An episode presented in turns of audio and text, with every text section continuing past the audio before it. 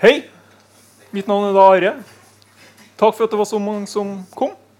Eh, jeg har laga et sånn powerpoint-show. Så jeg håper det, ja, det er jo ikke alt det er kanskje like enkelt å se for, men eh, det lønner seg å å se skjermen.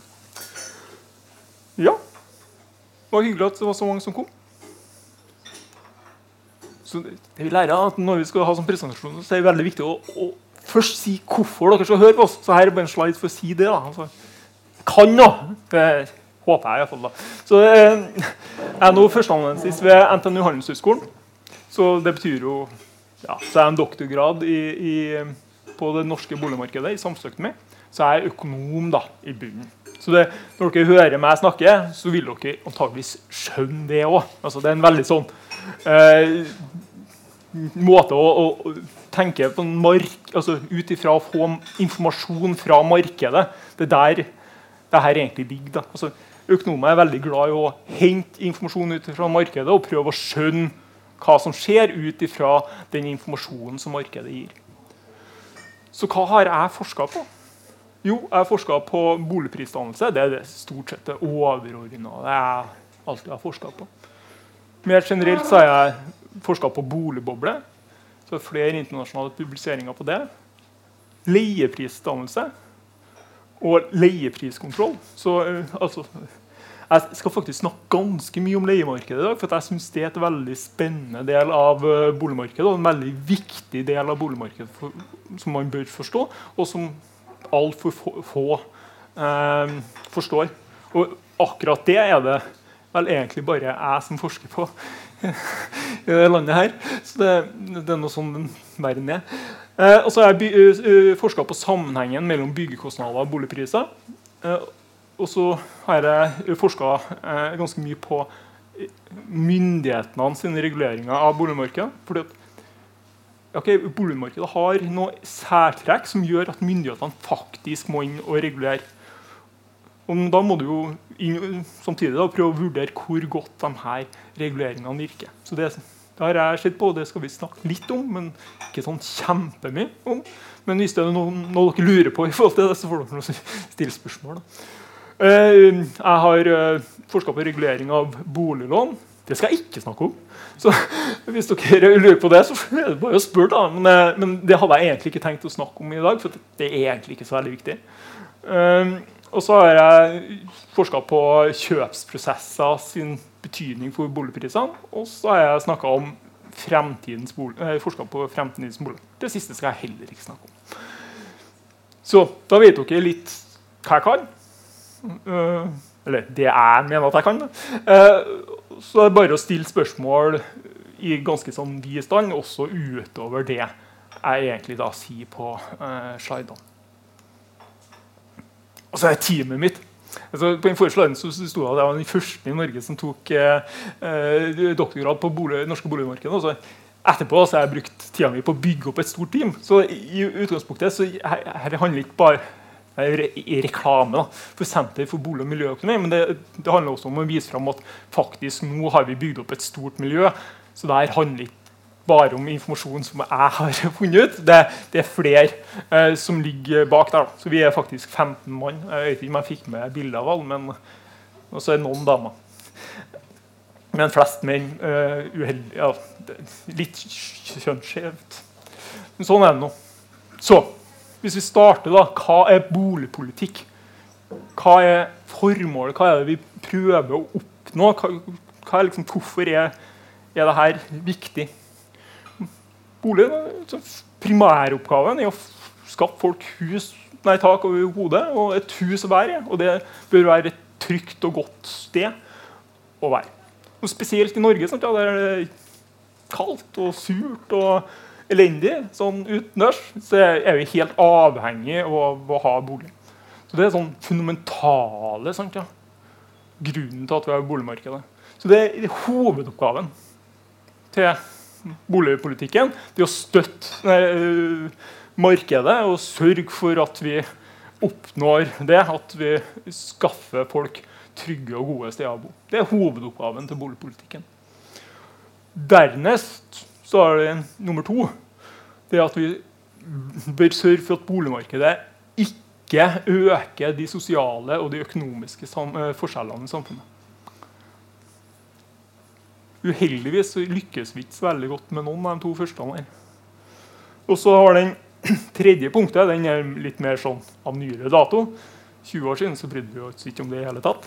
Men eh, eh de siste 20 årene da, så har vi mer og mer eh, prøvd å tenke på okay, hvordan klimaavtrykk da, bidrar boligene Og indirekte eller direkte Hvis du tar med transport som genereres av plasseringa boligen har, så utgjør faktisk bolig omtrent 50% av ditt og ditt og ditt klimaavtrykk. Så det her er sånn, sånn klimatenkegang så det er kjempeviktig. skal vi ikke snakke om i dag. Jeg ble ikke bedt om å snakke om det. Jeg ble bedt om å snakke om noe ja, så det skal vi ikke snakke om i dag. Men det er en del da, av boligpolitikken sånn som den er i dag. Da. Så hvordan vi så jeg sa at jeg og forsker på hvordan fremtidens boliger bør se ut. Det henger sammen med denne eh, tredje kulepunktet og et veldig spennende område. Så det får vi ta en annen gang. Så boligmarkedet. Hva er denne grafen som er den sentrale grafen? Hvis, vi, egentlig, hvis dere forstår den grafen, her, så, så er det greit. Da kan vi gå hjem.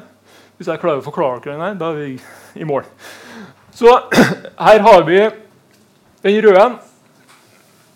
Det er boligprisen. Den blå, som også beveger seg ganske mye, det er leieprisen. Den grønne er byggekostnaden. Og den lilla er lønn. Og Grunnen til at jeg viser fram denne grafen, da, er at dette er sammenhengen i boligmarkedet. Så alle de her fire faktorene det er sammenhengen i boligmarkedet. De henger sammen og forklarer hverandre. Og nå er det jo ikke selvfølgelig det er ikke boligprisene som betaler, forklarer lønna, men lønna forklarer egentlig alt det andre. Uh, så det her er egentlig det vi skal snakke om i dag. Den grafen her. Og som vi ser, som hovedbildet det er to ting. For det første så ser vi at det her, det her er realtall, så de har vært veldig i været. En voldsom økning det er hovedtrenden.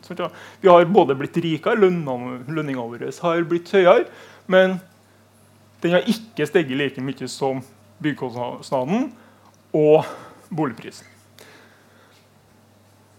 Så hva betyr det? Det skal jeg også snakke litt mer om senere. Det betyr i prinsippet at boligpolitikken har gjort at vi har blitt fattigere enn det vi måtte ha blitt. Vi, har, vi, har trengt, vi kunne ha vært rikere enn det vi er i dag hvis vi hadde en annen boligpolitikk. Og så er det det som egentlig berger oss litt. Det at pga. at vi hadde et lavt eh, rentenivå, så har heldigvis ikke peker her, eh, leieprisen den har, ligger nå på lønnskurven. Den her slutter i 2012, da. men eh, den, den, gjør faktisk det fortsatt nå i, i 18 år. Eh, så det er det som berger oss. Så hvis vi ikke hadde lavere, hvis vi ikke hadde hatt lave renter, så har det vært fullstendig sosial krise da, knytta til de eh, 23% som leier bolig. Så det skal vi også snakke om litt senere. Ja. Hvorfor tror vi da at byggekostnaden er så viktig? Eh, og Det er det litt om her. Og omtrent 20% Litt sånn hvordan du teller. da. Altså, hvis du bare, altså Hvordan boliger teller du? Eh, men hvis du teller på den måten som jeg har gjort her, hvis du teller bare de nye boligene som en andel av omsetninga som er registrert som Finn, så ser vi at nyboligsalg utgjør omtrent 20% Hvis du teller igangsettingstillatelser i forhold til totalt omfattende boliger, så er det oppe på 30 Så nybolig utgjør en kjempestor del av boligsalget. Det totale boligsalget. Hvis du tar bort denne 20 så ville selvfølgelig pris, prisene endre seg, oppføre seg helt annerledes. Så prisdannelsen henger veldig stor grad sammen med hva de som selger nyboliger, er villige til å selge boligene for. Det er hovedeffekten i markedet. Og hvis, det da, altså, hvis du har en nybolig, så bestemmer du utgangspunktet en del av den prisen sjøl. Eh, særlig da hvis det er for få boliger. Da kan du selge med høyere gevinst enn hvis det er færre som er tilgjengelig. Men hvis vi eh, gjennom boligpolitikken da, eh, legger eh, sterke begrensninger på hvor mange eh, boliger som kan bygges, så står utbyggerne i større grad fritt da, til å få seg en ekstra gevinst. Eh, men uansett så er det de høye omsetningene knytta til nybolig tilsier at byggekostnaden skal være den driveren i boligprisen. Og Det ser vi også i den grafen her. Den følger veldig. Den forklarer nesten hele eh, boligprisutviklinga.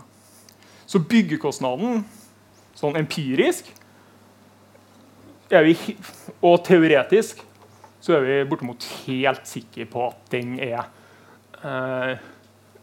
det som bestemmer boligprisen, og ganske kjapt. Altså, eh, hvis man kan snakke om det vi økonomer kaller for elastisiteter.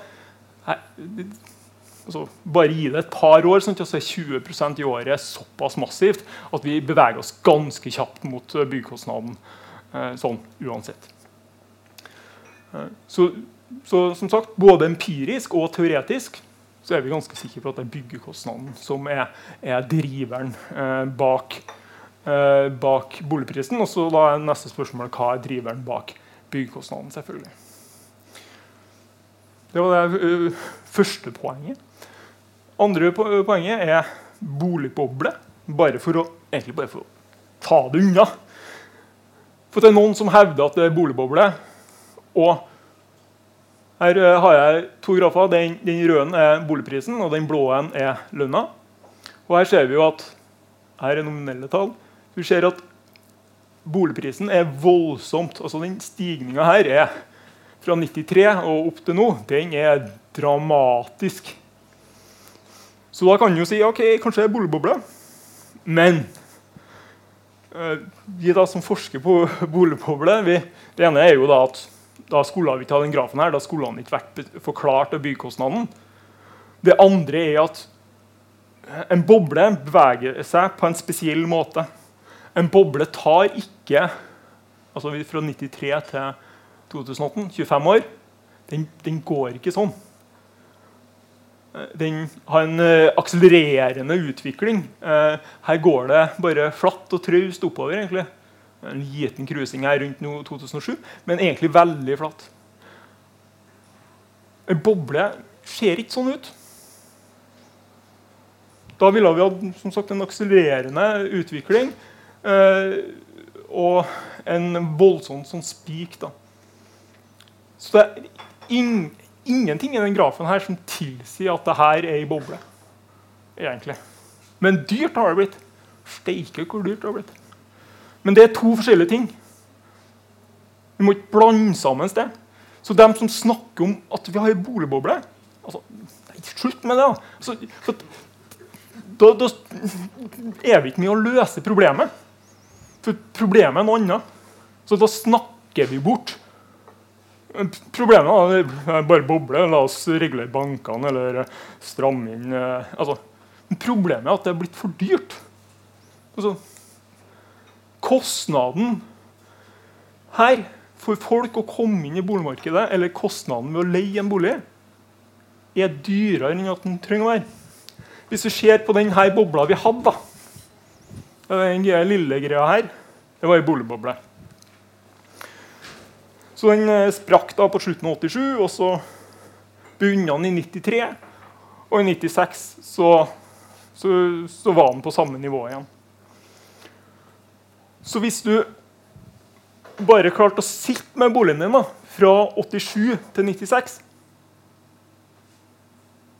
så var det greit da hadde du, hadde du egentlig ikke tapt. Da. Så De eneste som tapte penger på boligbobla i 87, var de som ble tvunget til å selge boligen sin i, den, i løpet av det her eh, fallet. Altså de som ikke klarte å sitte med den.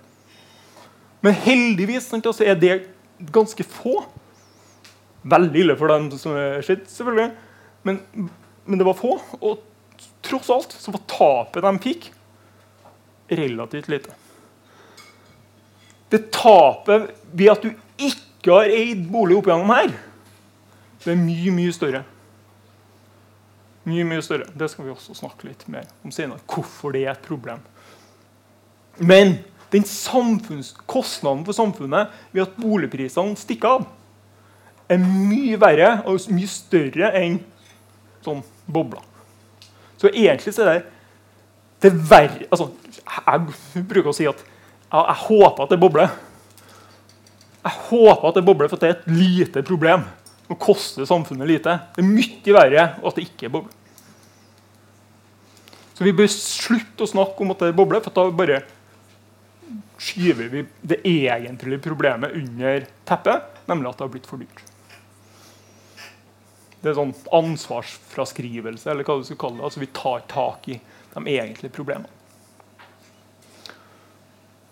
Det er egentlig bare oppsummeringen. for Jeg sa jeg hadde grafen opp. Det er at øh, øh, boligprisene er høye, men de beveger seg på en måte som ikke indikerer boble. Boligprisene er høye, men de forklares av byggekostnadene. Boligprisene er høye, men boligbygginga så denne poenget sa jeg ikke da, men boligbygginga, Hvis vi for ser på boligbygginga i Irland eller Spania, så tok boligbygginga voldsomt av. Og det vil typisk også da, skje under boligboblen. Det har ikke skjedd i Norge. Så det utgangspunktet ingenting i sånn, informasjonen vi får fra markedet som tilsier at dette er boble. Men så har du det mennet her. da. Og det går på eh, det her at eh, det her er to kjente bobleforskere. Kindelberger og Aliber. Eh, som sier at eh, a housing bubble in Houston is a oil bubble in drag. Eh, og det, det, er jo ikke ei boble da, i, i, den forstand i Norge. Men eh, den store oljerikdommen i Norge har gjort at vi har råd på et eller annet vis. Altså, for de 77% som eier sin egen bolig, de stemmer ikke på partier som ønsker lavere boligpris eller lavere leiepris. Og dermed så får vi altså, Det er ikke fullstendig krise. Sant? Olje og for så vidt da, også den lave renta har gjort at det ikke er krise. Og dermed så blir det her akseptert av dem som stemmer. Og dermed så får vi det her. Så hvis det ikke har vært for oljen, og hvis det ikke har vært for de lave rentene, så hadde ikke dette vært akseptabelt for velgerne. Og den siste grunnen at vi er så mange som eier, det hadde ikke vært akseptabelt, og da hadde dette skjedd annerledes. Men pga. det så får vi den, den knyttinga antageligvis til, til olje, olje, og dermed det her mennet Ja. Så er vi tilbake da, på den grafen. Nå skal vi snakke om da, sammenhengen mellom boligprisen og leieprisen. Det, det, er en sånn sammenheng hvor vi egentlig sier at øh, øh, boligprisen blir nei, leieprisen blir øh, forklart av boligprisen, men da med en justering knytta til renta. Så det, Empirisk så sier den grafen her igjen akkurat det samme. Eh, ja, Boligprisen forklarer leieprisen, men fordi at vi har lav rente, så er da lønnen så er da leieprisen eh, vesentlig blitt fått et vesentlig gap da, mot boligprisen. Sånn at akkurat nå så er det her det som egentlig berger oss. da, Og berger boligmarkedet, nei, boligmarkedet og spesielt da leiemarkedet. Men renta kommer ikke til å være lav for evig og alltid. Så den dag, eller når renta begynner å tasse oppover, da, så vil også leieprisen begynne å bevege seg oppover mot boligprisen.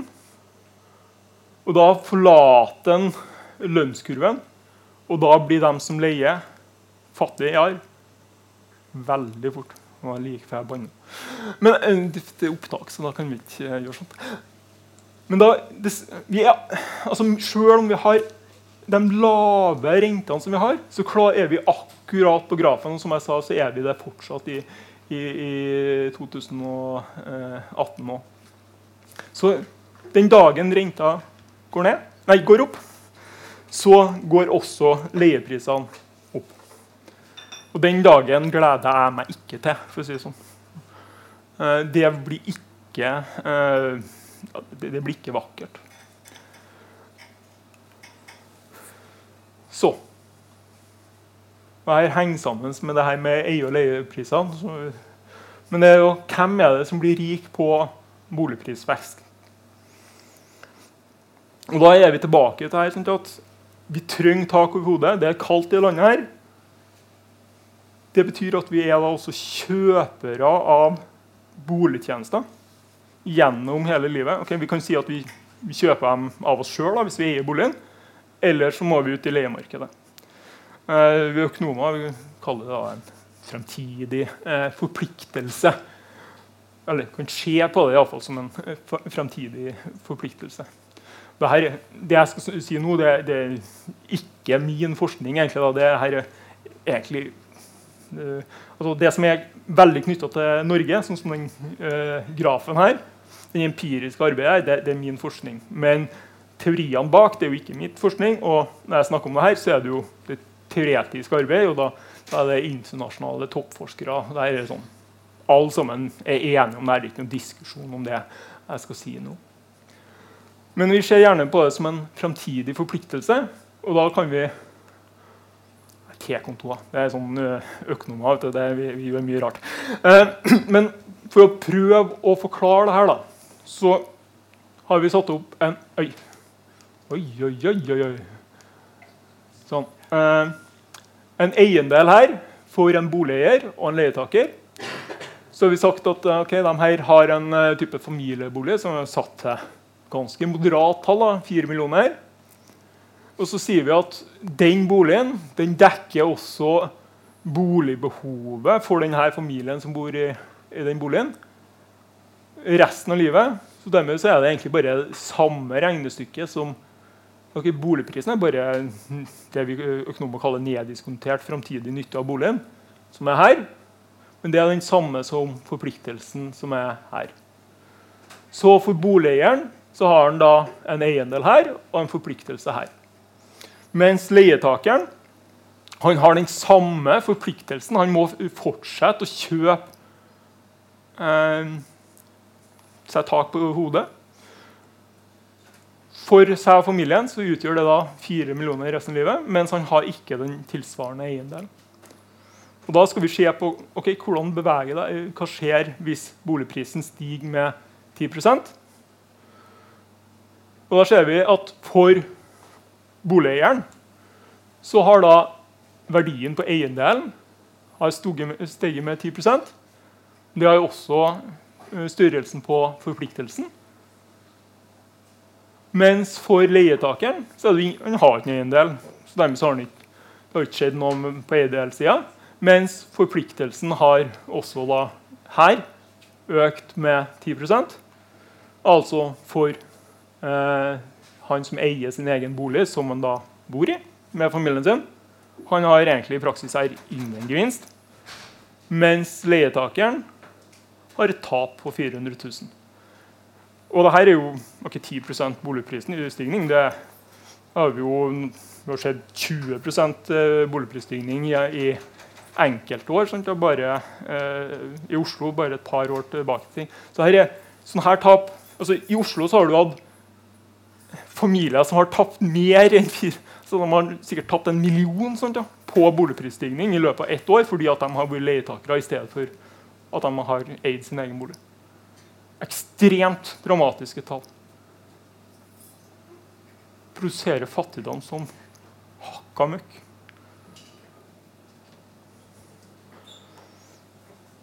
Så hvem er det som blir rik? Ja, Egentlig så er det bare en, en, lille, en liten prosent oppi her. Kanskje en 5% eller noe sånt. Kanskje det er 10 Vi vet ikke helt. Men det er da personer som eier mer bolig enn det de sjøl trenger til seg og familien sin. Jeg har satt opp bilder av meg sjøl. Det gjør jeg. Jeg har forska på bolig så lenge at jeg har funnet ut at det er Politikerne kommer aldri til å høre på meg, så det er bare å investere.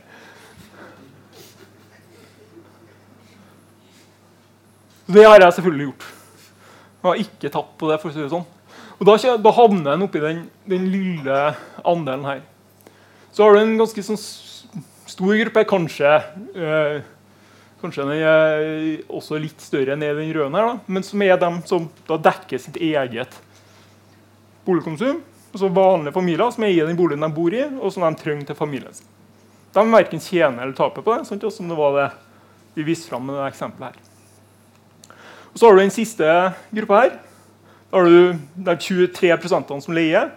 Og så har du dem som typisk har en mindre bolig enn det dem og familien som de enten har eller kommer til å få, trenger i framtida.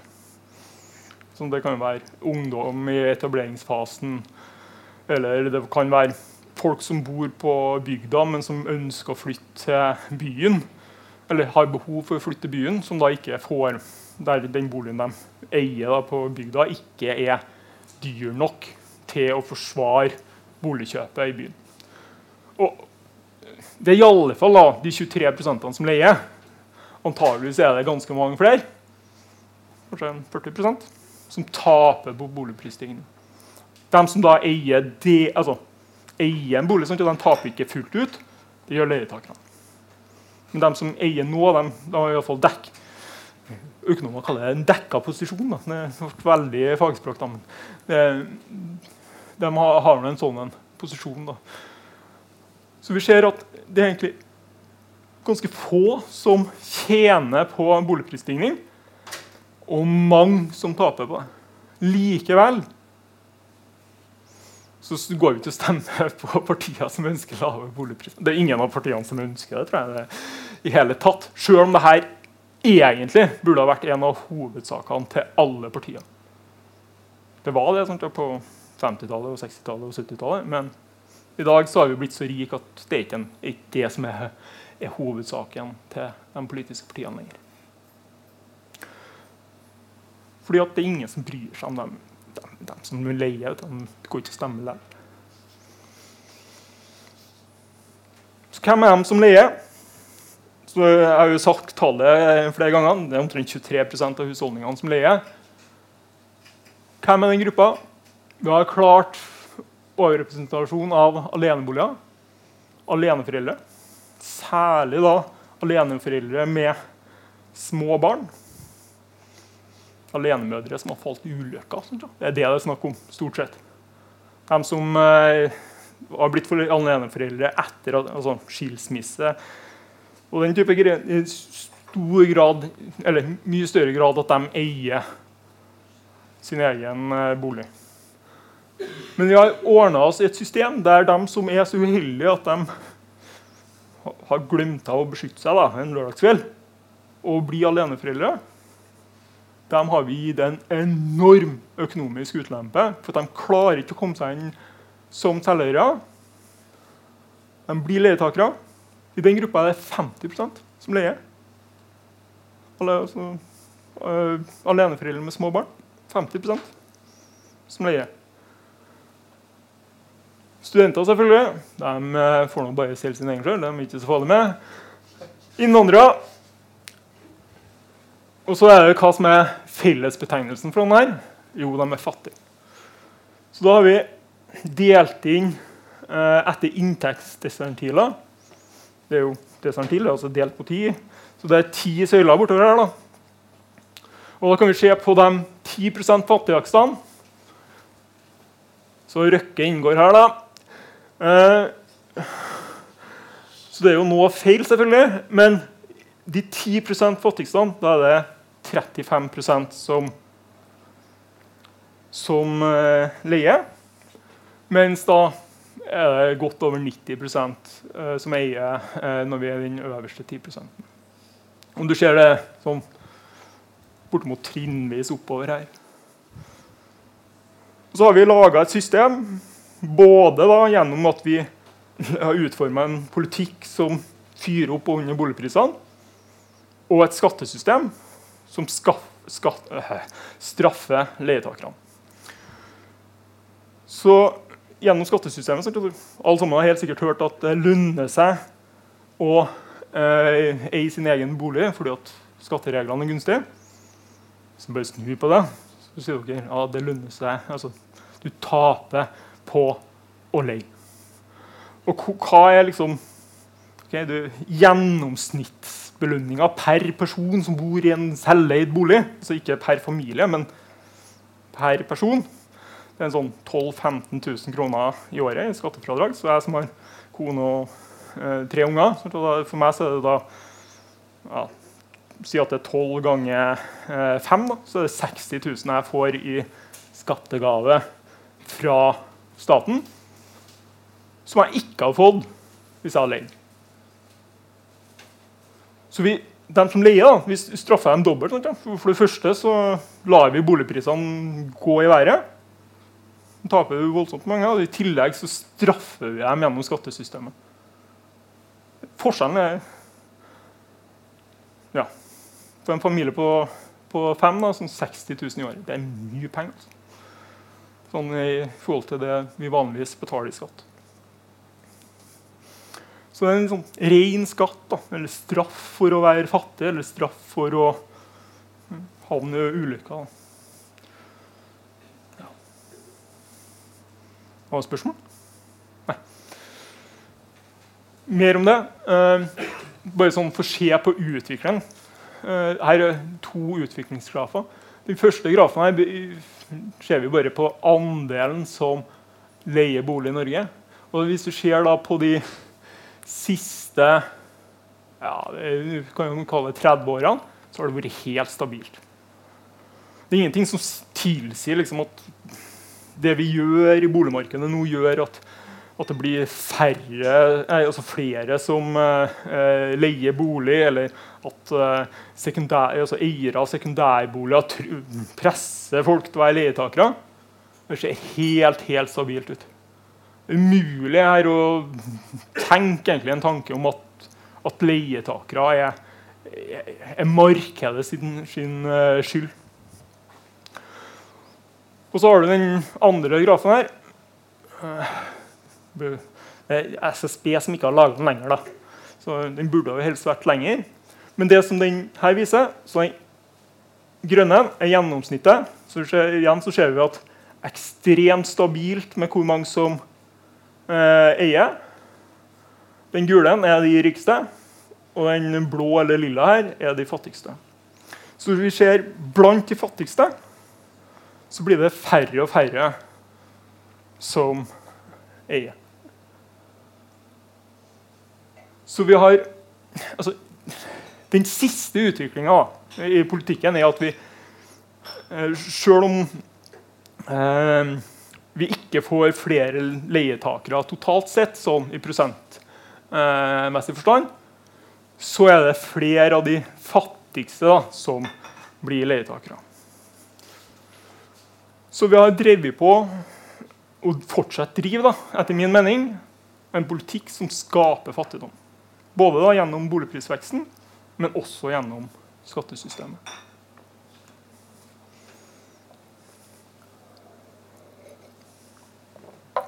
En av mine favorittgrafer igjen fungerer leiemarkedet. Så er det sånn at denne er jo egentlig den inverse av den sammenhengen mellom bolig og eierprisen som jeg viste fram i stad. Og det vi ser her, da, den Grafen går fra 1970 til 2018. Aldri før i løpet av denne her perioden på nesten 50 år har prisene som leiemarkedet produserer, vært så lave som nå. Så leiemarkedet, som da, her er det private leiemarkedet, ikke det offentlige, klarer å produsere veldig billig eh, boliger i leiemarkedet. Så det er ikke her problemet ligger. Hvis de ikke hadde fallet her, som tross alt da, mye godt antageligvis skyldes lavere eh, rente Men hvis det ikke vært så lavt, da har det her sett mye verre ut. Hvis vi hadde vært på gjennomsnittet i eh, leieprisforholdet da de første eh, 30 årene av den grafen her, så hadde husleia vært på nesten det dobbelte av i dag.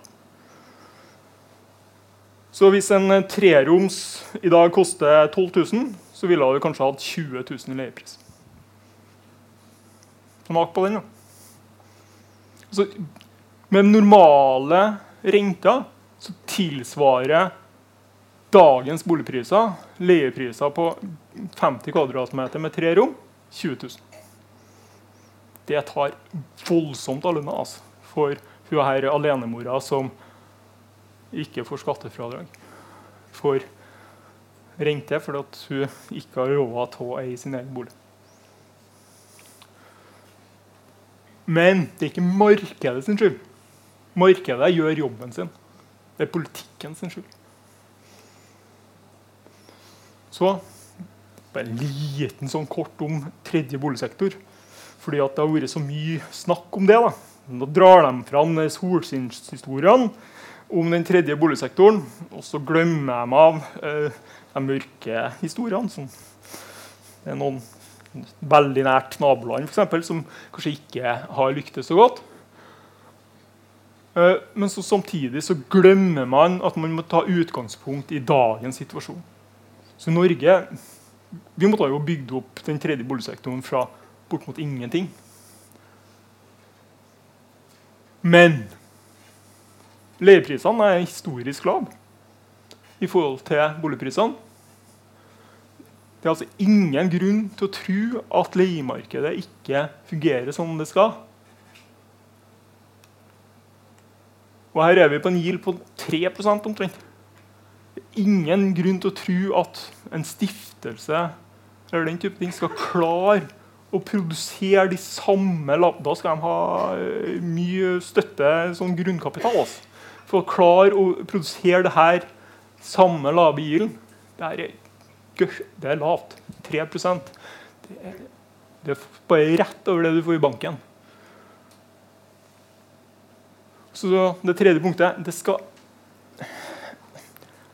For at den tredje boligsektoren skal være stor nok til at den påvirker prisdannelsen i totalmarkedet, skal vi ha altså, Sitt klarer ikke å påvirke prisdannelsen i studenthybelmarkedet. De er over 10% du må kanskje opp i en sånn 30-40-50-60% kanskje før du av leiemarkedet før du begynner å påvirke prisdannelsen i noe sånn voldsom grad. Så Dermed så vil det da være bare en ren pengegave til de få som får leie. Ja, nå er det sagt at de som leier, de har det trasig, så kanskje det ikke er så dum idé. da. Men så har du den siste her. Jeg studerte eh, eiendomsøkonomi i USA, er et av favorittslagordene mine. Og hvis dere forstår det ordet, betydningen av det slagordet der, så forstår dere veldig mye av hvordan markedet fungerer. Men i den betydninga vi skal snakke om det her, så er det jo rett og slett ok, du kan ikke bygge gammelt. Du må bygge for dem som har råd til nytt. Så hvis du bygger nytt, så vil ikke de fattigste ha råd. Det vil bli for dyrt. Altså Hvis du bygger tredje boligsektorboliger på eh, Nyhavna, så vil ikke de familiene som i dag leier på Saupstad og Kolstad, de vil ikke ha råd til å flytte ut. Så da er jo spørsmålet er det noe smartere vi kan gjøre enn å begynne å bygge opp en tredje sektor, eh, boligsektor hvis vi ønsker å eh, hjelpe de fattige i, leiemarkedet. Og da er neste sliden sånn, et stort og rungende ja.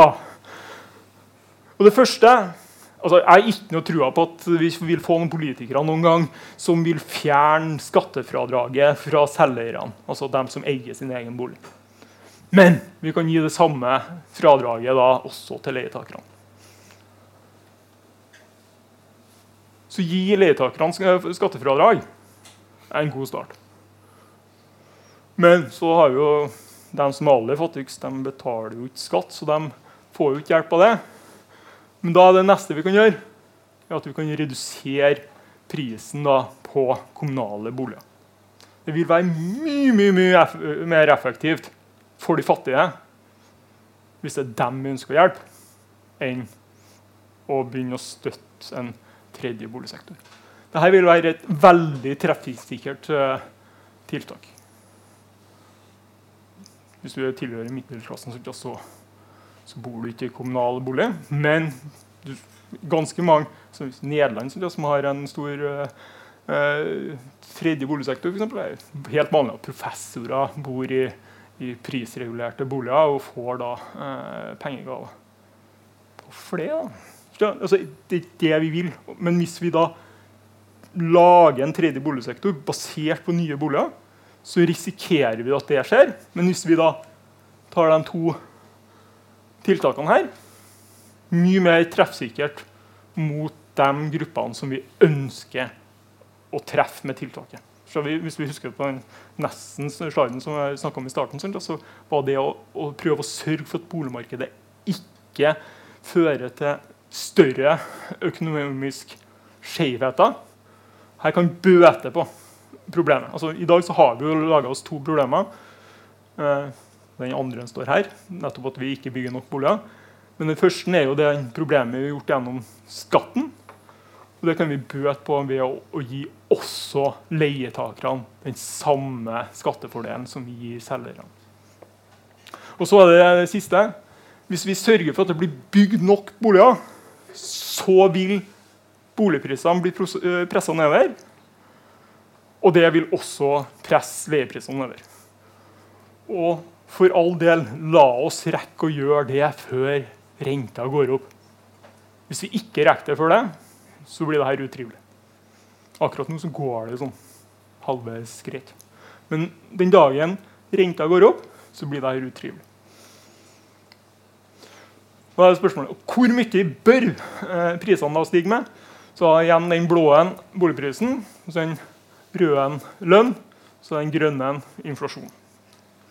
Og sånn teoretisk så bruker vi å si at boligprisen, og dermed også leieprisen, bør ligge mellom de to her.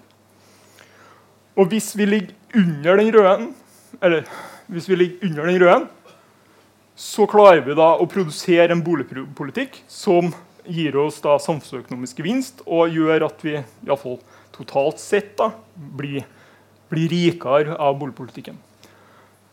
Når den blå grafen ligger over den røde linja, så blir vi fattigere av den politikken som. I tillegg så får vi de her uheldige fordelingseffektene da, av at leietakerne taper, mens de som de, de fåtallet rike, som eier mer bolig enn de trenger, blir rike. Og det er gjort og har tatt hele perioden fra 2000 og til 19. Og den, den lange fra 1970 òg, så ser du at det er den samme utviklinga. Altså, det handler ikke om politiske partier i hele tatt. Det er ingen av dem som egentlig fører en politikk da, for at boligprisene skal, skal ned. Så det, det, det, det, er ikke noe partipolitisk budskap i det. for å si Det sånn. Eh, det er ingen av partiene som er bedre eller verre enn de andre. Sånn, sånn sett. Så er det en sånn kjempelang graf. Igjen en av mine favoritter. Virkelig sånn eh, slaget på radet for min del. Altså, det er ikke sikkert at dere er enig. Men eh, for meg så er det høydepunkt etter høydepunkt. Men her er rett og slett full, antall fullførte boliger delt på befolkningsøkninga i Norge. Så hva ser vi? Den går helt tilbake til eh, 1951. Så, langt. Altså, så alle grafene går så langt tilbake i tid som vi klarer å finne tall. Så her, hva ser vi? Vi ser en kjempelang periode fra 1950 til eh, omtrent den spiken her i 86, da, rett før krakket. Så fram til det så hadde vi en boligbygging som enten lå rundt én bolig per én ny innbygger, eller langt over. Så det for å, å gjennomsnittet i hele perioden er sånn 0 uh, ja, 0,9 en plass. Så det er veldig nære at vi skal bygge én bolig per ny bolig, sånn empirisk, sånn historisk. Det er det ene den viser. Det andre den viser, er jo at i den perioden vi faktisk klarte å holde boligprisene lave, så bygde vi voldsomt mye. Og når det snakkes om boligpolitikk, så snakkes det veldig ofte om de, alle de andre virkemidlene som vi liksom sier at vi ikke har lenger i verktøykassa. Men hovedvirkemiddelet, og det eneste virkemiddelet som egentlig virker for å få ned boligprisene, og dermed leieprisene, er å bygge nok bolig. Og det gjorde vi her. Har vi gjort det her? Nei. Hvis vi da er under 0,5 så blir vi da det vi kaller mer trangbodd. Og Det har vi jo faktisk klart å være gjennom en periode her. Det er antakeligvis den eneste perioden i, ja, på mange hundre år der det har vært tilfellet. Men det her det er ikke et uh, grunnlag for lav boligprisstigning. Og Det så vi også i denne perioden her, at var, den var veldig høy.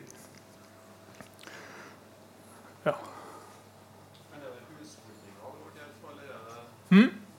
Er husholdninger, eller? Eh, befolkningsøkning. Ja, Så at det er én person så hvis uh, folketallet øker fra Per ny person. Ja. ja for uh, husholdningene er jo gjerne det dobbelte. Underkant ja. av to. Ja, Så det er det som blir da på 0,5. sant da? Det er derfor vi blir mer trangbodd nedi her. Uh, men samtidig, da uh, Hvis vi produserer for få boliger, som vi da egentlig gjør i hele perioden her, så får vi da altså, De rikeste vil alltid skaffe seg mer bolig når de blir rikere. Så, så den, det den grafen her altså, Her blir jo hele befolkninga totalt sett mer trangbodd. Men i hele den perioden her blir de fattige mer trangbodd. For de blir alltid skvisa. Sånn. Begynner tida å gå fra meg.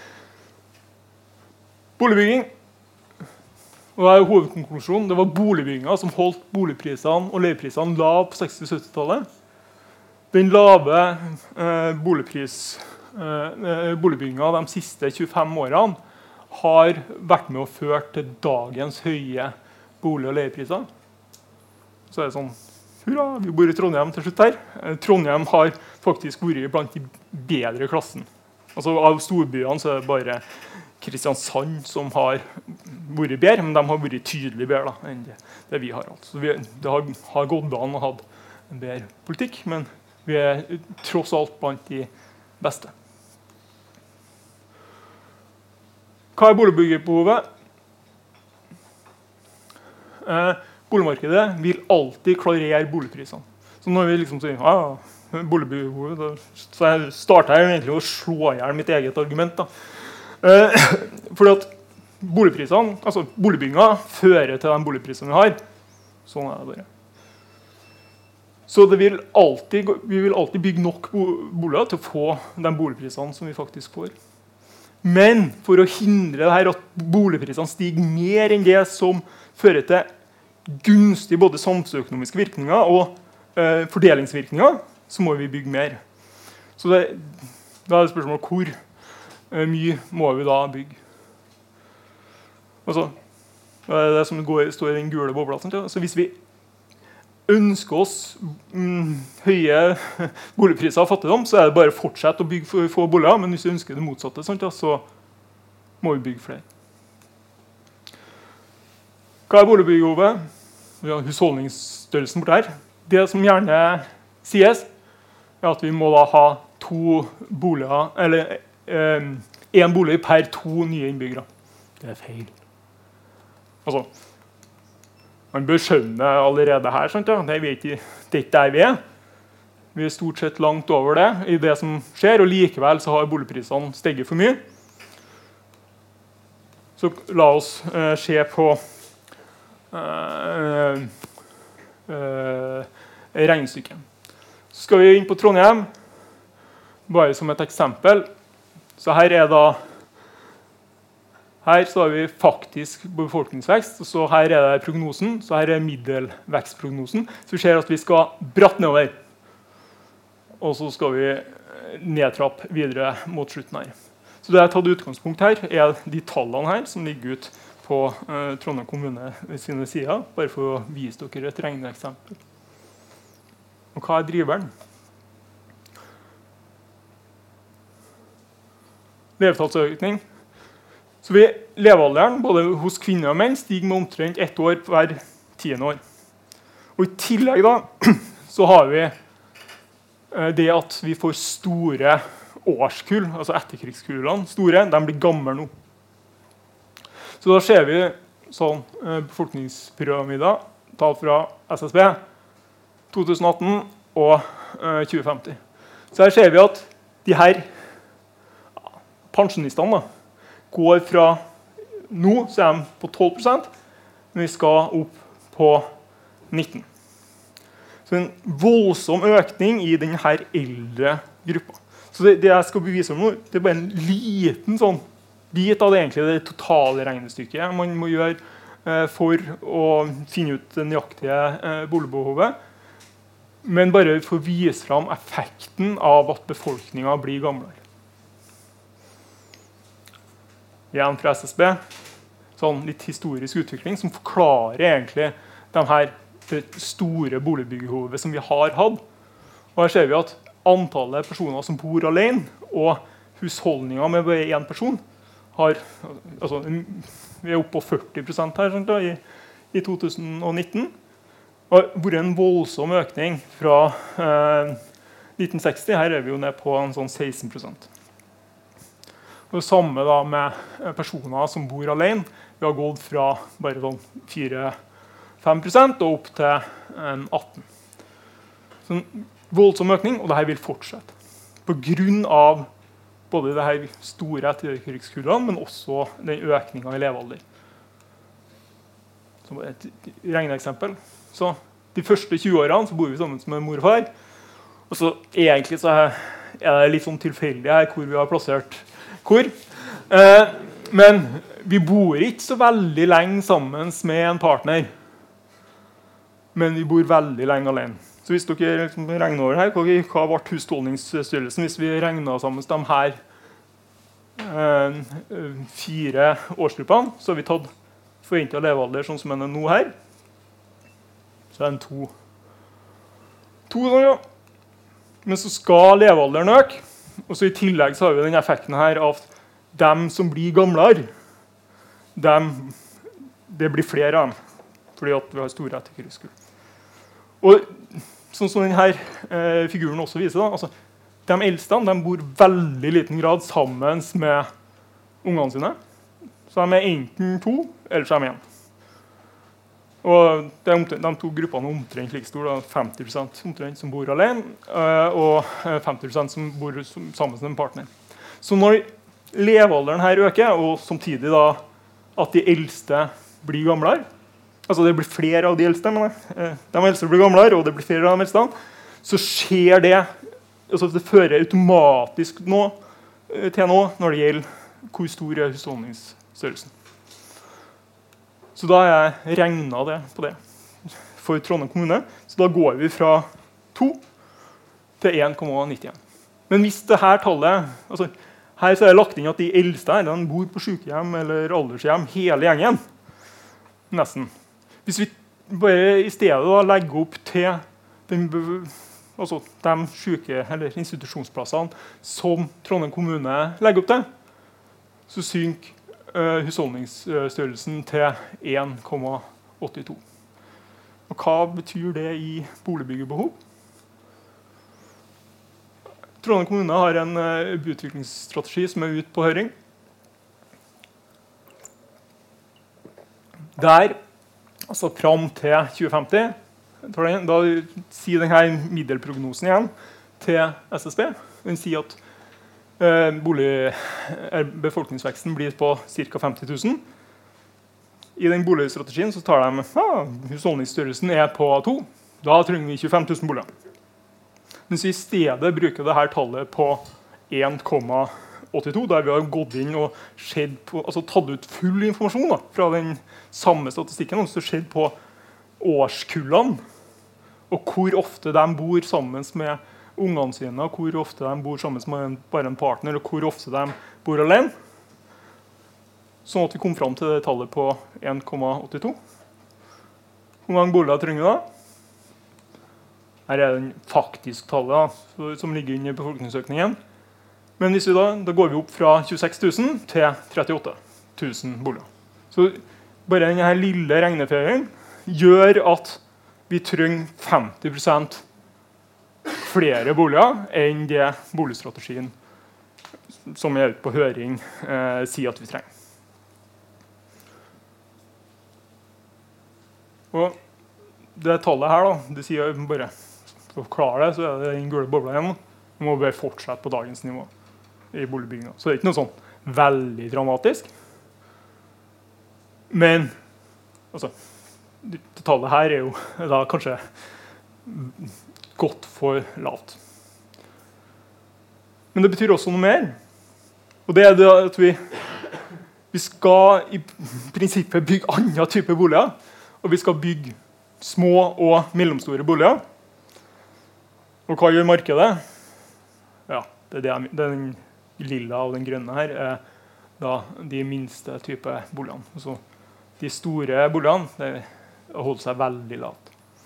Så øh, vi skal bygge mange flere boliger. Altså, Befolkningsøkninga øh, blant eldre gjør at vi skal bygge mange flere boliger enn det prognosene legger opp til. Men det betyr også at vi skal bygge mange flere små enheter. Eller små og mellomstore enheter. De gamle er tross alt veldig ofte rike og ønsker seg ganske godt med plass. Men dette er viktig å tenke på da, når, en diskuterer boligpolitikk. Så. Og så nytt poeng. Når det, vi tenker på boligbyggerisikoen, da okay. Tenk på det verste utfallene. Vi er ikke redd for nedsiderisikoen. Vi er kun redd for at vi ikke har tilstrekkelig eh, med tomte eller eh, mulighet da, til å bygge nok boliger. Så det kan jo være at den middelprognosen ikke slår til. Sånn, ja. Da trenger vi flere tomter. Så befolkningsveksten kan bli høyere enn middelprognosen sier.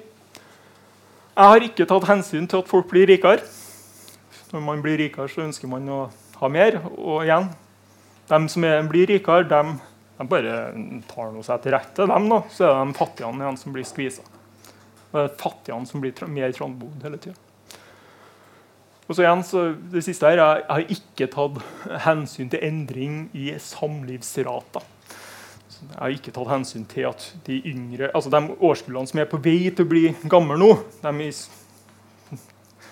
er mindre konservative da, enn en de eldste. Så de, det er flere av de eldste som faktisk er gift. Så vi, vi, vi får enda større effekt antageligvis av eh, enn de tallene som jeg sa da, når det gjelder husholdningsstørrelsen.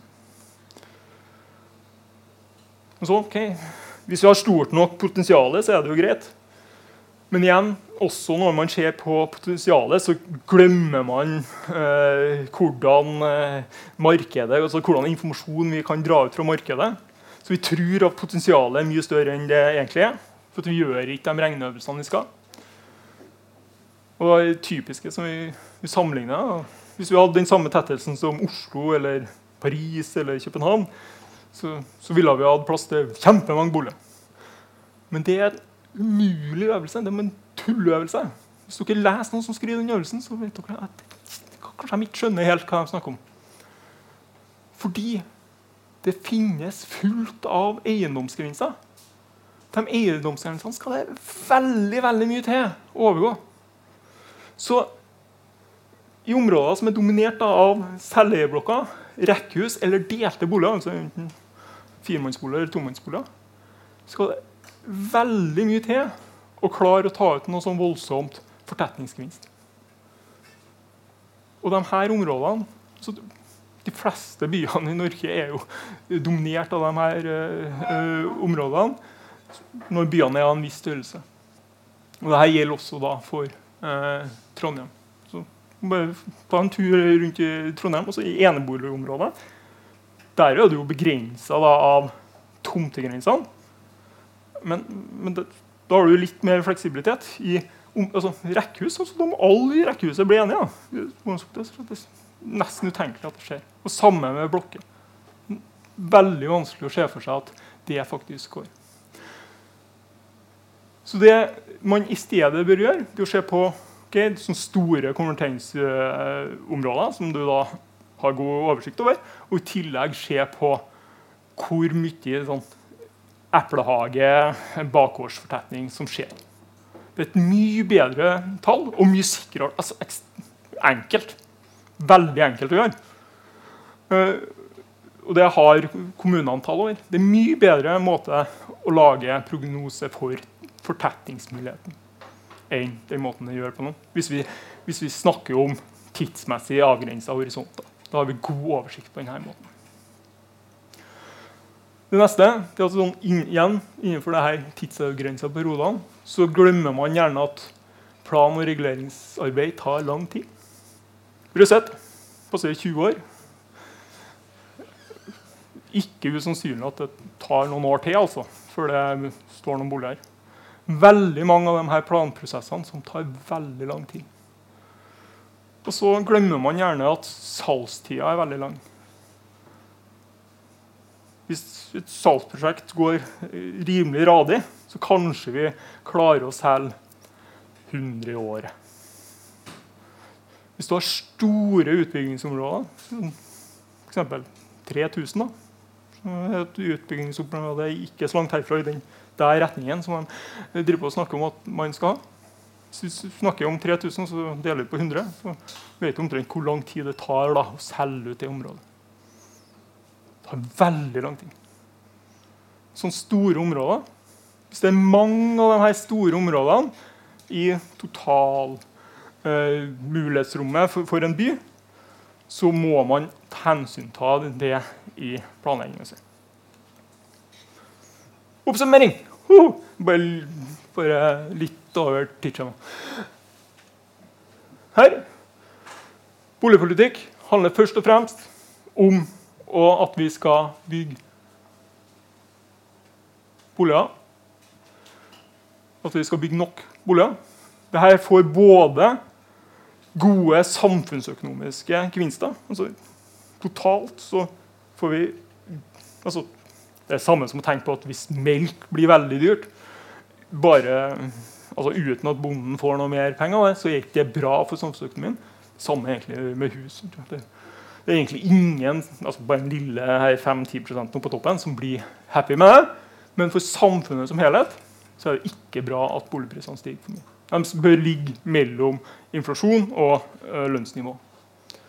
I tillegg, hvis vi klarer å bygge nok boliger, så vil det ha veldig gunstige fordelingsmessige gevinster. Rett og slett for at leieprisen ikke går opp så mye som man gjør hvis vi bygger for få boliger. Dernest, ja, igjen da på det her fordelingsvirkningene, så bør vi tenke på hvordan vi innretter skattepolitikken. Og da har jeg jo allerede røpt hva mitt forslag er, og det er å gi Eh, skattelette da, til leietakerne. Vi bør iallfall se på hvordan vi skal ha en skatteinnretning av boligmarkedet som ikke øker de sosiale og økonomiske forskjellene. I dag så er den motsatt. I dag så har vi en skattepolitikk som øker de økonomiske og de sosiale forskjellene. Hvis vi ser på skattepolitikken knytta til boligmarkedet. Håpløst. Og til slutt Pga. denne miljøtankegangen, altså klimafotavtrykket, så bør vi nå, og for så vidt da, knytta til eh, boligbyggebehovet, at vi blir mange eh, eldre altså vi skal bygge for, Først og fremst skal boligene vi skal bygge for, er for eldre. og Så kan de flytte ut fra eneboligene sine, som gir da plass til familier.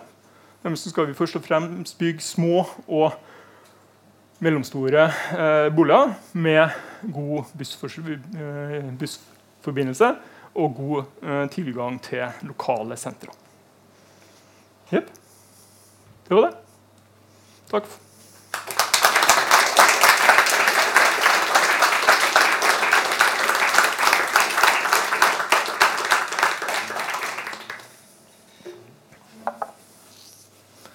Du må vente på mikrofonen. Eh, jeg bare lurer på om det er noe som kan gjøre at den positive veksten i boligprisene snur? Annet enn boligbygging? Ja, eller er det noe som kan gjøre at boligbyggingen slutter At det blir billigere, på en måte? Hva var det som gjorde at prisene sank i 92? Uh, eh, altså, akkurat fra 87 til 92 så er det jo ei boble, da. Men uh, uh, hvis du så på 60, 50-, 60- og 70-tallet, så klarte vi å bygge nok boliger til å holde boligprisene lave. Det er eneste oppskrifta. Vi må legge til rette til for at det blir bygd nok boliger. Det er ikke noen annen oppskrift. Oppskrifta er enkel og grei og likevel veldig vanskelig. Så du mener det er ingen fare for at boliger i Norge kommer til å synke i pris? Altså, Hvis noen snys i heisen, så kan boligprisene eh, synke et par år. Altså hun noen nys i heisen på vei til visning. Altså, det, det er ikke der det ligger. Men sånne små svingninger er egentlig uinteressant. Altså, fra 2007 til 2009 så falt også boligprisene. Men ja, har vi den, da? Men altså, de, det er jo bare så vidt vi ja, ser det en gang på, på den store eh, grafen. Hvis vi kommer oss tilbake dit. Hei, sant, ja. Her er en ganske sånn, stort boligprisvalg. Men hvis vi ser på den lange kurven, så er det bare så vidt at den vises. Så Sånne type fall Jeg kan få det her. Ingen tvil. Altså. Som sagt, Det er bare noen som nys i, i heisen på vei til visning, så kan det skje. Men for boligpolitikken så er det uinteressant. Så det kan selvfølgelig For enkeltindivider så kan det være ganske interessant, men politisk så, så er ikke det viktig. Da er det kun denne Vi må sørge for at vi klarer å bygge nok boliger. Som er det eneste som, som det her handler om altså boligmarkedet, altså Boligprisene klarnerer markedet. Altså, vi får de eh, boligprisene som, som eh, boligbygginga og da byggekostnadene gir oss. Yep. Eh, jeg har eh, to spørsmål.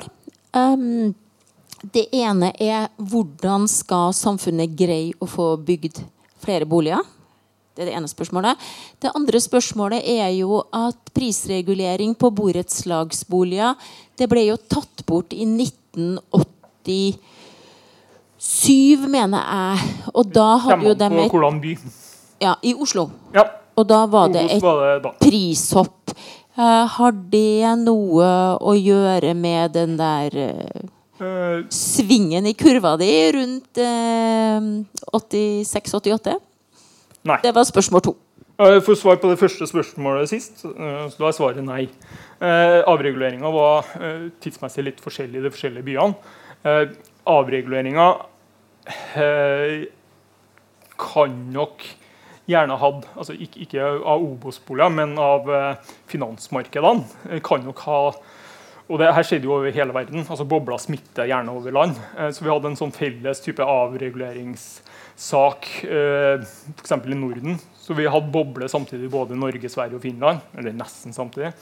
Og, og denne avreguleringsbølgen, og at man da ikke Altså Bankene skjønte ikke helt hvordan de skulle låne ut penger når de ikke ble overstyrt. Det hadde antakeligvis noe med den bobla å gjøre. Men selve avreguleringa av av Obos, da, hvis du eh, snakker om den. Eh, så nei. Og så Det første spørsmålet er hvordan vi skulle klare å bygge nok nok boliger. Da er det jo, For det første da, så må vi sørge for at vi har nok tomter. Altså Hvis det ikke er nok tomter, så vil det jo eh, da, da, vil det være enkelt for utbyggerne å skaffe seg superprofitt. Uh, og det andre er altså, det, Man kan påvirke byggekostnadene gjennom, særlig gjennom hvor lang prosessen tar, og så litt også hvordan type krav det er som stilles da til, uh, til forskjellige ting i, i, prosessen. Men ja Eh, det å få ned tida, altså Brøsset 20 år, eh, er en viktig ting der.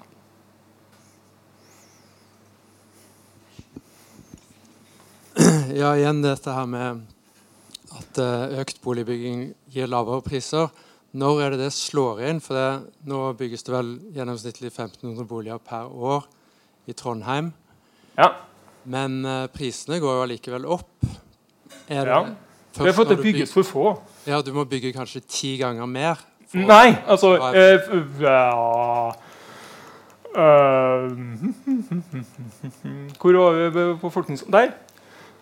Så ja, Hvis vi sier at vi skal opp på f.eks. 0,9 av befolkningsveksten så, i, så her så har vi jo ligget i de årene som har vært nå, så har vi ligget eh, på godt over 2500. Så vi skulle helt sikkert vært over 2000 boliger i året. Da ville det slått inn? Ja. Hvor mye da? Hvor mye prosent ville prisene gått ned? Er det liksom Altså, Hvis du over, over år, da altså Hvis vi eh, hadde klart det hele her så Det som skjedde, er jo at vi ikke hadde fått boligprisstigninger. Det er ikke sånn at vi markedet har revna. Det er ikke sånn det hadde skjedd. det det blir sånn små drypp hvert år, men vi bør ha små drypp hvert år. Men hvor mye må, må prisene gå ned for at det skal monne, liksom? Det monner jo fra den første krona. Sånn, ja. det, det, er ikke sånn at uh, Altså, alt, alt, alt hjelper for, for, dem som er utsatt. Så det, det, er ikke sånn at vi bare skal gjøre det hvis vi klarer å dempe prisene med, med 10% f.eks. Altså hvis vi klarer å dempe dem med 1% så er det jo iallfall 1 altså. Jeg tillater meg å komme med et spørsmål til. Um, det med å øke boligbygginga Det er jo ikke én part eller én sektor som er ansvarlig. Det er jo utbyggere, det er lovverk, det er eh, krav til byggkvalitet etc. Er det noen part du mener kan gjøre noe spesielt altså for å få til det her. Takk. Politikerne, kanskje? Altså, hvis altså, um, det I, i det, den, den, hovedgrafen som jeg snakka om, så er det jo uh, altså, Det som driver er rett og slett at vi har råd til å drive altså Iallfall vi som bor i selveide boliger. Vi har råd til å drive på sånn. Så for at dette skal endre seg, må vi komme til en situasjon der vi, vi som bor i egeneide boliger, ikke har råd lenger. Sånn at vi presser politikerne til å, å, å ta de vanskelige valgene. For du må ta vanskelige valg. Det, det, kan ikke administrasjonen gjøre, og det kan ikke utbyggerne gjøre. Det er kun politikerne som kan ta de vanskelige valgene. Og De vanskelige valgene vil jo da være forskjellige i forskjellige byer. Um, du har ikke nevnt i foredraget det at uh, byggebransjen, i motsetning til samtlige andre bransjer du kan sammenligne med i Norge og også utlandet, har hatt en veldig negativ produktivitetsutvikling i forhold til alle andre bransjer.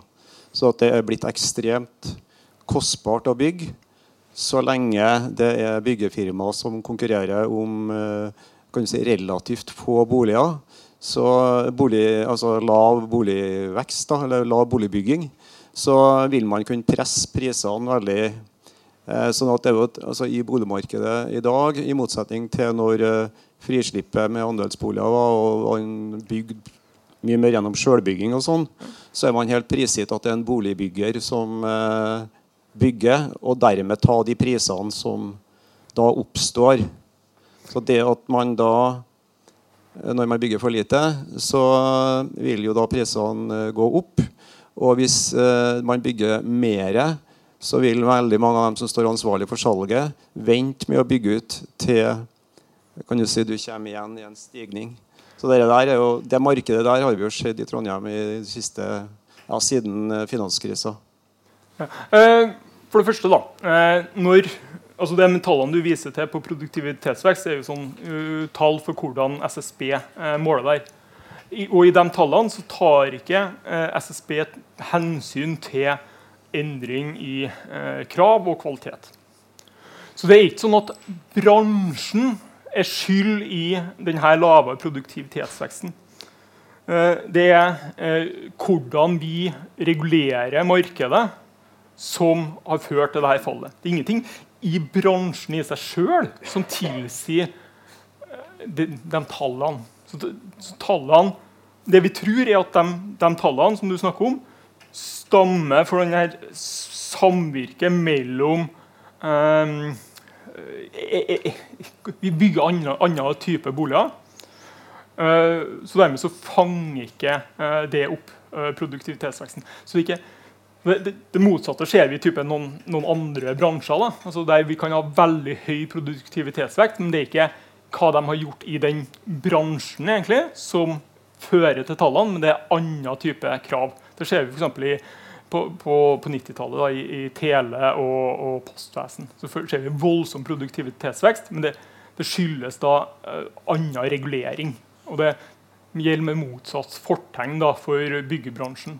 Um, for det andre spør uh, spørsmålet er jo, okay, det er jo uh, knytta til kan Hvis du har få tomter som blir kontrollert av få aktører, så kan, har du muligheten til at uh, aktørene da tar ut superprofitt. Eh, men da, altså hvis vi er redd for det, så må da bare kommunene sørge for at det er tilstrekkelig mange tomter, da, sånn at du unngår eh, den muligheten. Uh, veldig vanskelig å, å, å, å vite helt sikkert om denne type superprofitt faktisk eh, kan ha eksistert. Eh, men eh, selvfølgelig når boligprisene har økt så mye som de har gjort, så eh, kan det godt være at man ikke har tatt ut fullt eh, forbedringspotensial i, i byggeprosessen. Det kan være. Når jeg nevnte det med produktivitetsvekst, så er det både ut fra forskning som Jeg jobber selv i Sintef, da, men ikke i den delen. Men altså, der foreligger det ganske omfattende rapporter som viser utviklinga i bransjen kommunene og hensyn til det at det er andre krav nå. Og eh, Jeg hørte for mindre enn et år siden foredrag fra han som er direktør i EA Smith her i byen, som eh, viste til akkurat den samme forskninga og hevda det veldig sterkt, at byggebransjen er helt spesiell. Ja. Mye forskning sier noe annet. Eh, du sa tidligere at ehm, eh, familie, eller eh, mennesker som eh, kan eie en bolig som de kan bruke hele livet, eh, har en større gevinst i boligmarkedet enn andre. Altså de som ja, Du hadde en slide med ja, nei, ja. Noe sånn jeg forsto det. Mulig Ja, jeg sa jo ikke det, men det, det, det, er jo ikke sånn at det ikke stemmer. Men ja. Så eh, hvis det er sånn at man man eh, tjener mer på å være i boligmarkedet hvis man har en bolig som man kan bruke hele livet, enn hvis man har en som er for liten. Du hadde en sånn ja, ja, okay. mm. Så lurer jeg på hvorfor du eh, Hvorfor eh, du kommer med et råd om at man skal bygge veldig ensidig små boliger eh, for fremtiden. Altså, det, jeg sier at vi må, eh, Den små boligene er jo rett og slett at vi skal dekke behovet framover som samfunn. Og det er jo rett og slett at vi skal dekke behovet til de her store kullene av eldre mennesker. Og de trenger ikke veldig store boliger. altså. De, kanskje et gjesterom og et soverom og ei stue, da, så, så, er de greit. Uh, Men det er vel en, en eh, befolkningsvekst i, som går ikke ensidig på, det, på, de som er gamle. Det, det er vel altså, I 2050 så har du flere mennesker av alle de ulike typene Ja. husholdninger. Ja, så du må bygge litt annet òg, men, men eh, ikke så veldig mye.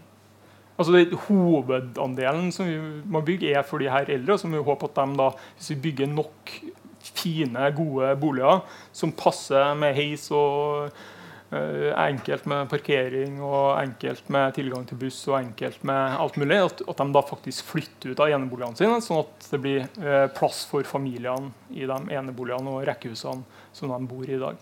Og når du da sier på eh, altså med kort sikt, eller ja, eh, i nærmeste fremtid, hvor, hvor eh, lang sikt er det vi snakker da? Er det 50-2050, eller hvor langt frem i tid er det vi snakker?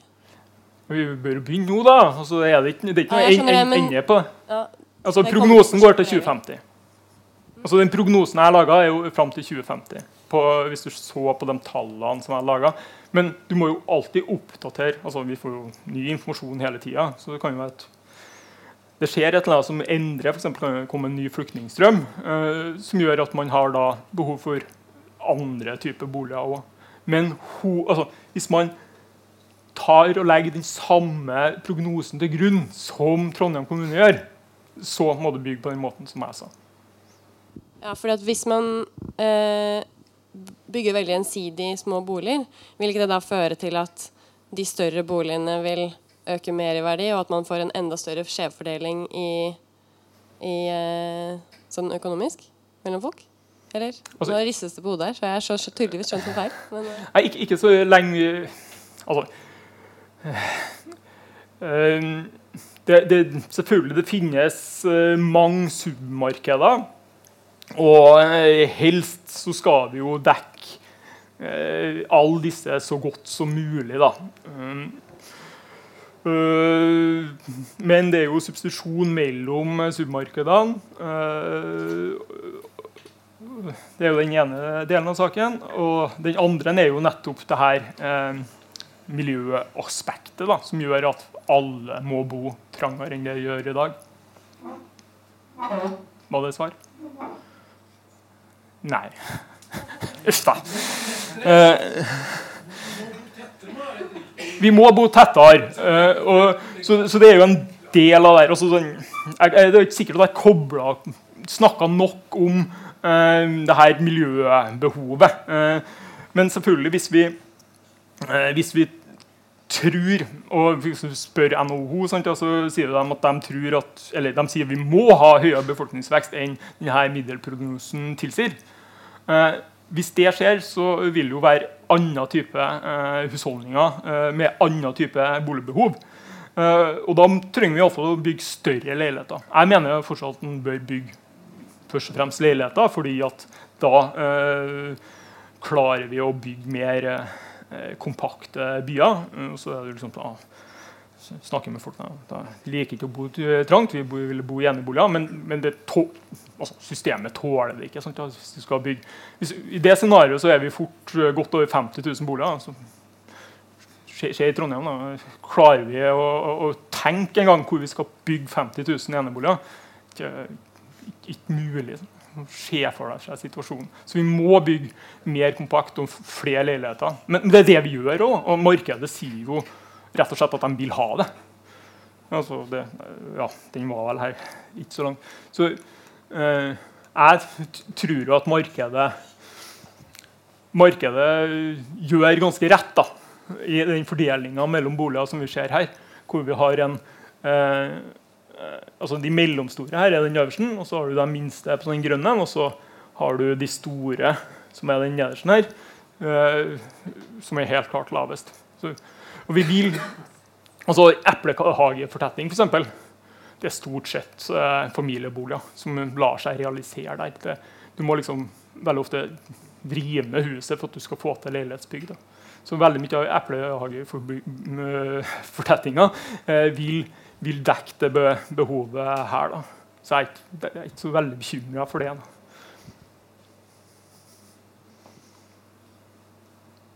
Flere spørsmål? Ett minutt igjen. Ja. Tok litt tid å slippe til her, men ehm, uh, så jeg skal bare ta et helt konkret spørsmål på, i starten når det gjaldt byggekostnad. Ja. Hvor du viste at eh, en graf som egentlig sa at eh, det er bare byggekostnaden som eh, driver opp prisen. Og det, Da lurer jeg jo på først og fremst om hva kaller du byggekostnad? Er det den rene kostnaden med å bygge når du har en tomt Tomt er inkludert. og, og infrastruktur, eller er det Altså det her er total kostnad meldt til Husbanken. Det vil si at da er eh, den øk økningen i tomtekostnaden Er inkludert. er den som driver.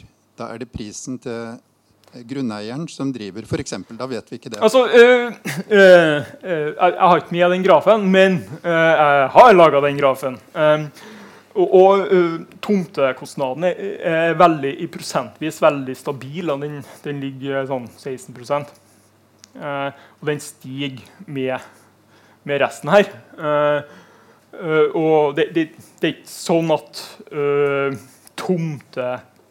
tomtekostnaden er hovedsynderen men den er med. Men den er ikke med mer enn enn- en de andre faktorene som er med i, i byggekostnaden. Så er total byggekostnad inkludert. Eh, Alt annet enn profitt.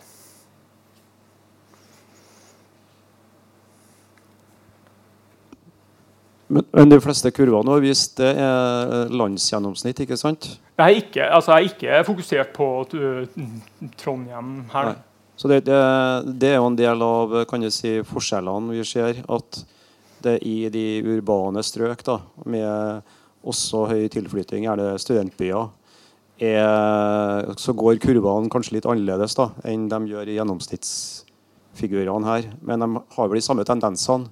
Men forskjellene blir jo enda større. No, noen av forskjellene blir enda større. Ja, nei, eh, Oslo har f.eks. gått eh, brattere boligpris da, enn enn, eh, den nasjonale kurva sier. da. Blant annet. Men byggekostnadene i Oslo altså, Det som ikke inngår i den byggekostnaden her, er at uh, miksen endrer seg. En, eh, en enebolig koster omtrent 20 000 i, i, i byggekostnad, eh, mens en eh, blokk koster 35 Så hvis du endrer miksen til mer blokk, så stiger faktisk byggekostnaden fortere enn her. Så, så i, i de store byene, der du i større grad har endra leilighetsmiksen, så har, har eh, byggekostnadene gitt et ekstra push. da. Eh, enn en, en det som kommer fram for den grafen. her, og Hvis du da bare ser på storbyene, så, så, tvinger den fram en enda større boligprisvekst. Var det svar? Uhu. Jeg lurte på byggekostnaden nå. Hva er, hva er hovedsynderen hvis det ikke er eh, tomteprisen? Eh, Du sa det var alle var like mye syndere. Eh, det, dessverre i den tallet her så er det bare deling mellom tomt og resten da, eh, som er, er, er, mulig. Ja. Men, jeg- men jeg veileda en, en masteroppgave som så på det som for så vidt også Norges Bank benytta seg av i etterkant. da. Eh, Og, og den, den viste at det var veldig, altså, langs veldig bred forhånd. Men eh, teknisk altså, i- at vi må ha mer rådgivende ingeniører, f.eks., er en viktig synder. Var det svar? Hæ? Så det er, det er rådgivningskostnaden Nei, altså det er som er det, det er mange ting. Men én ting som vi har sett har øka veldig, er rett og slett at man eh, i planprosessen så krever det eh, større bruk av eh, altså utredninger. Mm. Og det koster penger. Både eh, sånn kapitalkostnad, for det, det kommer tidlig i prosessen. Eh, altså kostnader som kommer før inntekter. Det, det er dyrt. Eh, men, men også at det rent eh, praktisk utgjør eh, mye større kostnad. Og det, det handler jo bl.a. om at det er mer komplisert bygging enn det var før. Men det handler jo også om andre ting. Ja, jeg bare lurte på hvor eh, profitten ligger i den grafen der. Hvis boligpris og byggekostnad nærmer seg hverandre, hvor ligger da profitten? Nei, altså I utgangspunktet da, så er jo ikke profitten med noen plass. Og det her er en indeks som starter i 100. Så hvis du har stabil profitt, så er jo profitten da der hele veien. Skjønte du den? Nei, søren, da. Um, uh, uh, når du ser på forhåndstall, da, altså hvis du da ikke endrer uh, komposisjon så vil jo da, Hvis den har 10% profitt hele veien her, så er det greit. da. Var vi med da? Men uh, er det Det er en indeks. Ja, det er det som er hovedforklaringa. Ja. Ja. Så profitt, uh, hvor stor andel av boligprisen som er profitt, det har ingen interesse? Eller?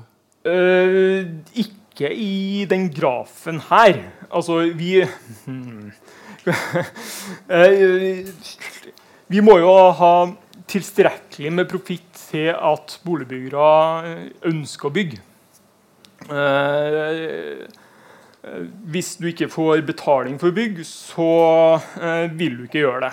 Eh, og så tror jo jeg som økonom da, at hvis vi ikke stiller oss i eh, situasjoner der vi har eh, monopol, f.eks. hvis vi regulerer for få tomter, sånn at da det er noen få områder som er kontrollert av få aktører, så vil vi ikke få superprofitt. Men hvis vi som eh, vi som da bestemmer totalt, alle som eh, er med å stemme, eh, ikke sørger for at det blir regulert nok boliger, så kan det komme eh, superprofitt eh, til aktørene. Men det, det, er veldig vanskelig å Hvor skal du få de tallene fra? Det har iallfall ikke jeg klart å få noen gang. Men det, det, hadde selvfølgelig vært veldig interessant tall og visst. Så må du spørre Obos som sitt. Ja, nei, Jeg har bare sett en graf som viser at av en eh, kvadratmeterpris på 70 000 kroner for bolig, det en bolig selges for, så er vel kanskje 50 000 byggekostnad. Og resten er profitt. Så en tredjedel er profitt. Da må jo det ha ganske mye å si for å få ned boligprisene. Uh, det stemmer ikke. Men altså, det, det du Det man kan uh, Når, når tomter ligger ute i markedet sånn Når Brøsset ligger ute nå, eller gamle Tø der jeg før vi flytta, sånn den har ligget til salgs nå, da kan vi sånn bakover regne oss fram til hvor stor profitt utbyggerne mener at de eh, har. Så Hvis vi kjenner byggekostnadene, og så kjenner vi eh, hva du er villig til å betale, eh, da ser vi hva som ligger imellom der. Eh, og de, det, det, som ligger imellom der, skal dekke både da eh, eh, profitten din, men også arbeidsinnsats og kapitalkostnad. Eh, og hvis du regner på det, så bruker det tallet å ligge rundt omkring eh, en 15% kanskje opp til 20 eh, Men det vil jo da svinge med, med renta. da. Men det er jo vesentlig lavere enn en, en de tallene som du sa, da, som er rundt 40. 40 har jeg aldri sett, altså. Det, det, det, har jeg aldri, aldri opplevd. Eh, i noen av de regnestykkene som jeg noen gang har sett at vi er oppe på de nivåene. Men eh, vanligvis så sier vi at uh, tomtekost og uh, det, det, utbyggeren får, er omtrent like store tall, og en plass mellom 15-20% begge to. Nei, Den var på en uh, utstilling på Arkitekturmuseet i fjor, så bare Ja, ja, men uh, det, det jeg har aldri sett et, altså, det her har jeg regna på mange ganger. for det, det, er jo et veldig interessant tall å vite. Uh, men det er et veldig vanskelig eh, tall å bevise. da. Så det, ja, det skulle man tro. Eh, så, så, så det, det, er jo det, det jeg snakka om skyggepriser i stad. Altså, vi, vi, vet altså, vi, vet at det ikke er 40 eh, men for, for, så vidt så er det jo det er veldig interessant å vite om det er 10, 15 eller 20 år. Eh, sånn, og, og, hvis vi kunne ha visst hvordan dette utvikla seg over tid, så hadde det vært veldig interessant informasjon. Men det er veldig vanskelig øvelse.